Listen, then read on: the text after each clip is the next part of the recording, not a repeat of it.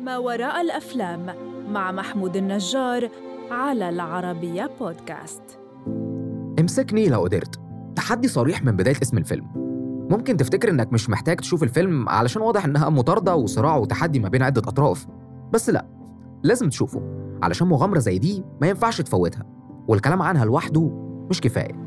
فأهلا بيك في حلقة جديدة من بودكاست ما وراء الأفلام. أنا محمود النجار والنهاردة هحكي لك عن أسرار ما وراء. Catch Me If You Can. من بداية الفيلم فرانك ويليام أبيجيل بيتسأل مين يقدر يوصل ليك ويقبض عليك. فبيقول كارل هنراتي.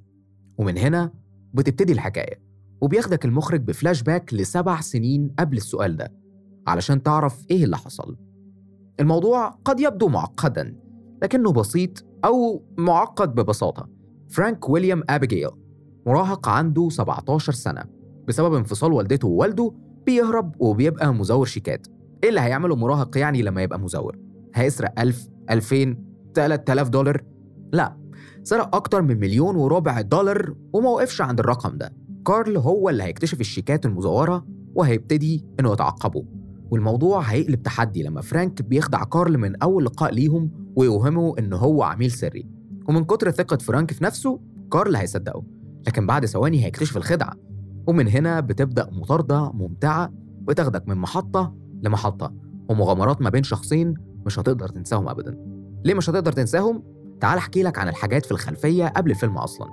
Catch Me If You Can مأخوذ عن قصة حقيقية. لمراهق محتال اشتغل في مهن كتيرة جدا وأصبح أحد أكتر لصوص البنوك شهرة في البلاد. وهو عنده 17 سنة بس. فرانك لفت انتباه مكتب التحقيقات الفيدرالي وتحديدا عميل مكتب التحقيقات الفيدرالي كارل هنراتي اللي كرس عمله علشان يتعقب الجاني المراهق والقبض عليه للأبد. فرانك صنع التاريخ كواحد من أفضل الفنانين المحتالين في التاريخ الحديث. ولما نشر مذكرات عن حياته سنة 1980 راح المخرج ستيفن آلان سبيلبرج اشترى حقوق الكتاب وحوله لفيلم. بس عايز أقولك على معلومة. بناء على Screen Rant فيلم Catch Me If You Can مش ناقل التاريخ بالظبط. يعني على سبيل المثال كانت شخصية كارل هنراتي خيالية. وفي الحقيقة بدأ مكتب التحقيقات الفيدرالي FBI في قضية فرانك ما كانش محقق واحد بس اللي شغال عليه كانت مجموعة كاملة. فرانك بدأ كمحتال وانتهى به الحال كمستشار خاص ومؤلف ومتحدث عام وركز على منع الاحتيال ده بناء على كلام CNBC وممكن تسأل نفسك بعيدا عن مدى ذكاء فرانك هل فعلا هرب من طيارة 10 VC النفاثة عن طريق إزالة المرحاض والنزول من تحته؟ وفي النهاية هرب عن طريق فتحة للمدرج المطار الحدث موجود في مذكرات فرانك سنة 1981 بس خبراء شركات الطيران بيقولوا إن ده مستحيل. سكيب جونز من اتحاد صناعات الطيران قال The entire system is sealed. النظام كله على بعضه مغلق. ووضح رسم وتكوين الطيارة وقال إن لو كلامه صحيح وقدر فعلا إنه يفك المرحاض ده علشان يخرج خلال أنبوبة قطرها أربع بوصات لازم يكون الشخص صغير جدا جدا جدا جدا. وهنا خلينا استعير جملة قالها فرانك لكارل لما كارل كان بيعاتبه إنه كذب عليه. قال له فرانك People only know what you tell them. الناس بتصدق القصص اللي بتتحكي ليها. وفرانك كان عارف كويس قوي إيه نوع القصص اللي بيسيبها وراه. في علاقته مع والده وفي كل جواب كتبه كان بيدعي حاجة مش حقيقية. يعني هو آه بقى طيار بس بالنصب مش علشان اتعلم وبقى مؤهل لده. فلما قال في إحدى جواباته An honest man has nothing to fear. So I'm trying my best not to be afraid. الرجل الصادق ليس لديه ما يخشاه. لذلك أحاول قصارى جهدي ألا أخاف. هو كان متخيل نفسه كده. بنى جوه دماغه شخصية بقصصها بحياتها وصدق الشخصية دي. بس في الحقيقة فرانك كان عنده اللي بيخاف منه. والراجل الصادق فعلا أكيد بيخاف بشكل أو بآخر.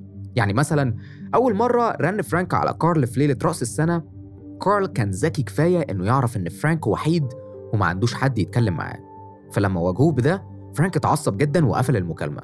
من ناحية تانية كمشاهد أنت متأكد إن كلام فرانك صح. العلاقات في فيلم Catch Me If You Can كلها علاقات مميزة وقوية والضعيف منها ليه تأثيره وحكايته. فهتشوف في أول الفيلم عيلة فرانك السعيدة قبل ما تتفكك وقد إيه هو ووالده صحاب. وهتشوف برضه تحول نظرات فرانك لما يكتشف خيانة والدته ويقرر يسكت وما يقولش لحد لأن نفسه إن عيلته تفضل زي ما هي. ولكن أكتر حاجة هتأثر فيه كمشاهد هما علاقتين حقيقيتين دوافعهم مختلفة لكن الاتنين فعلا كانوا بيخافوا على فرانك أبو فرانك وكارل. قبل ما أقولك ليه كارل كان بيخاف على فرانك هقولك حدوتة. عارف قصة الفارين؟ في فارين وقعوا في دلو قشطة. الفار الأول استسلم بسرعة وغرق أما الفار التاني ما انسحبش وفضل يكافح ويكافح علشان يطلع لدرجة إنه حول القشطة لزبدة من شدة الحركة اللي سببها علشان يخرج وما يموتش. يا سادة دي قصة أبو فرانك ودي القصة اللي كان دايما بيحكيها وبيقولها على نفسه إنه الفار التاني. فرانك اتربى على إيد أبوه. اتعلم يعني إيه إن مظهره بيفرق في الطريقة اللي الناس بيتعاملوا بيها. وقال في حوار جملة لا يمكن ينساها أي محب للسينما. It's cause the other teams cannot stop staring at those damn pinstripes. الناس مش بيقدروا يبطلوا يبصوا في البدل المخططة. دي كناية عن إن لما مظهرك يكون لامع وواثق هتسهل على نفسك الطريق وهتتعامل بشكل مختلف. فرانك اتعلم ده واستغله صح. عرف هو عايز يجرب إيه؟ وفي كل خطوة كان بيحسب لها كويس وبيدوس فيها علشان يشوف آخرها إيه. كل اللي عمله علشان يختلس دولة كاملة إنه جرب. جرب بس إنه يفهم كل حاجة ماشية إزاي. أبو فرانك كان ذكي جدا وفي العشاء اللي عزموا عليه فرانك في فندق للأثرياء قال له كل اللي هنا مغفلين محدش فاهم إيه اللي بيحصل غيرنا. وفعلا أبوه كان عارف اللي بيحصل. ولما كارل وصل لهوية فرانك وراح لأبوه علشان يسلمه قال له if you were a father you would know I would never give up my son. I would never give up my son. لو أنت أب مستحيل تسلم ابنك فأنا مستحيل أسلم ابني. خليك فاكر الموقف ده كويس. علشان بعدها بسنة هيكون ده موقف كارل من فرانك. على الرغم من كل الأذى اللي سببه فرانك فكارل كان شايف إنه مجرد طفل. طفل خسر دفع أسرته في وقت بدري جدا وده اللي أثر على قراراته والطريقة اللي بيتصرف بيها. علشان كده كان دايما بيعامله إنه طفل خاصة إن كارل نفسه خسر بنته الصغيرة بسبب انفصاله عن زوجته فكان عنده مشاعر أبوية ناحية فرانك. لما كارل نجح لوحده يقبض على فرانك الحكومة الفرنسية اتدخلت وحبسته. وقتها كارل وعده إنه هيرجعه لأرض الوطن وإنه مش هيسيبه هنا وبالفعل ده اللي عمله. في الوقت اللي كانوا فيه راجعين لبلدهم كارل بيقول لفرانك إن أبوه مات وده بيسبب له صدمة عاطفية وبتخليه يحاول يهرب من الطيارة. الموقف اللي حكيت لك عليه من شوية. فرانك بيهرب وبيروح بيت أمه في ليلة راس السنة. بيلاقيها قاعدة مبسوطة جدا مع راجل تاني غير أبوه وبيكون في طفلة صغيرة وبيسألها فين مامتك فبتشاور له على أمه. وقتها هيتصدم أكتر ويدرك إنها تجاوزت أصلا وجوده واتجوزت وخلفت وبنت حياة لنفسها وغيابه مش فارق. ده هيخليه يستسلم للشرطة ويبدأ فترة عقابه. خلال فترة عقابه هتفضل علاقته بكارل موجودة وفي كل مرة كارل هيشاركه في زيارة من الزيارات إنه شغال على قضية جديدة لمزور مش قادرين يقبضوا عليه. لما فرانك يشوف الورق المزور هيقدر يساعد كارل يوصل للجاني. بعدها هيسعى كارل لمدة أربع سنين إنه يقنع الحكومة بإطلاق سراح فرانك لكن مشروط وإنه يشتغل في الشرطة في قسم الجرائم الخاصة بالبنوك وبالفعل بيعمل ده. وهيكون سبب في القبض على أكتر من مجرم وإنقاذ الموقف أكتر من مرة. فيلم Catch Me If You Can نجح باكتساح. في حفل توزيع جوائز الأوسكار ال 75 تم ترشيح كريستوفر واكن لجائزة أفضل ممثل مساعد وجون ويليامز لأفضل موسيقى تصويرية. فاز واكن بأفضل ممثل مساعد في الدورة ال 56 لجوائز الأكاديمية البريطانية للأفلام. وويليامز ومصممة الأزياء ماري زوفريز وكاتب السيناريو جيف ناثانسون حصلوا على ترشيحات. وتم ترشيح ليوناردو دي كابريو لجائزة Golden Globe لأفضل ممثل في فيلم دراما. كل اللي محتاجه في اللحظة دي إنك تقوم تشوف الفيلم لو ما شفتوش.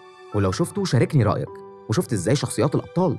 واستناني الحلقة اللي جاية في حلقة جديدة من بودكاست ما وراء الأفلام علشان نحكي عن ما وراء فيلم جديد بمنظور مختلف.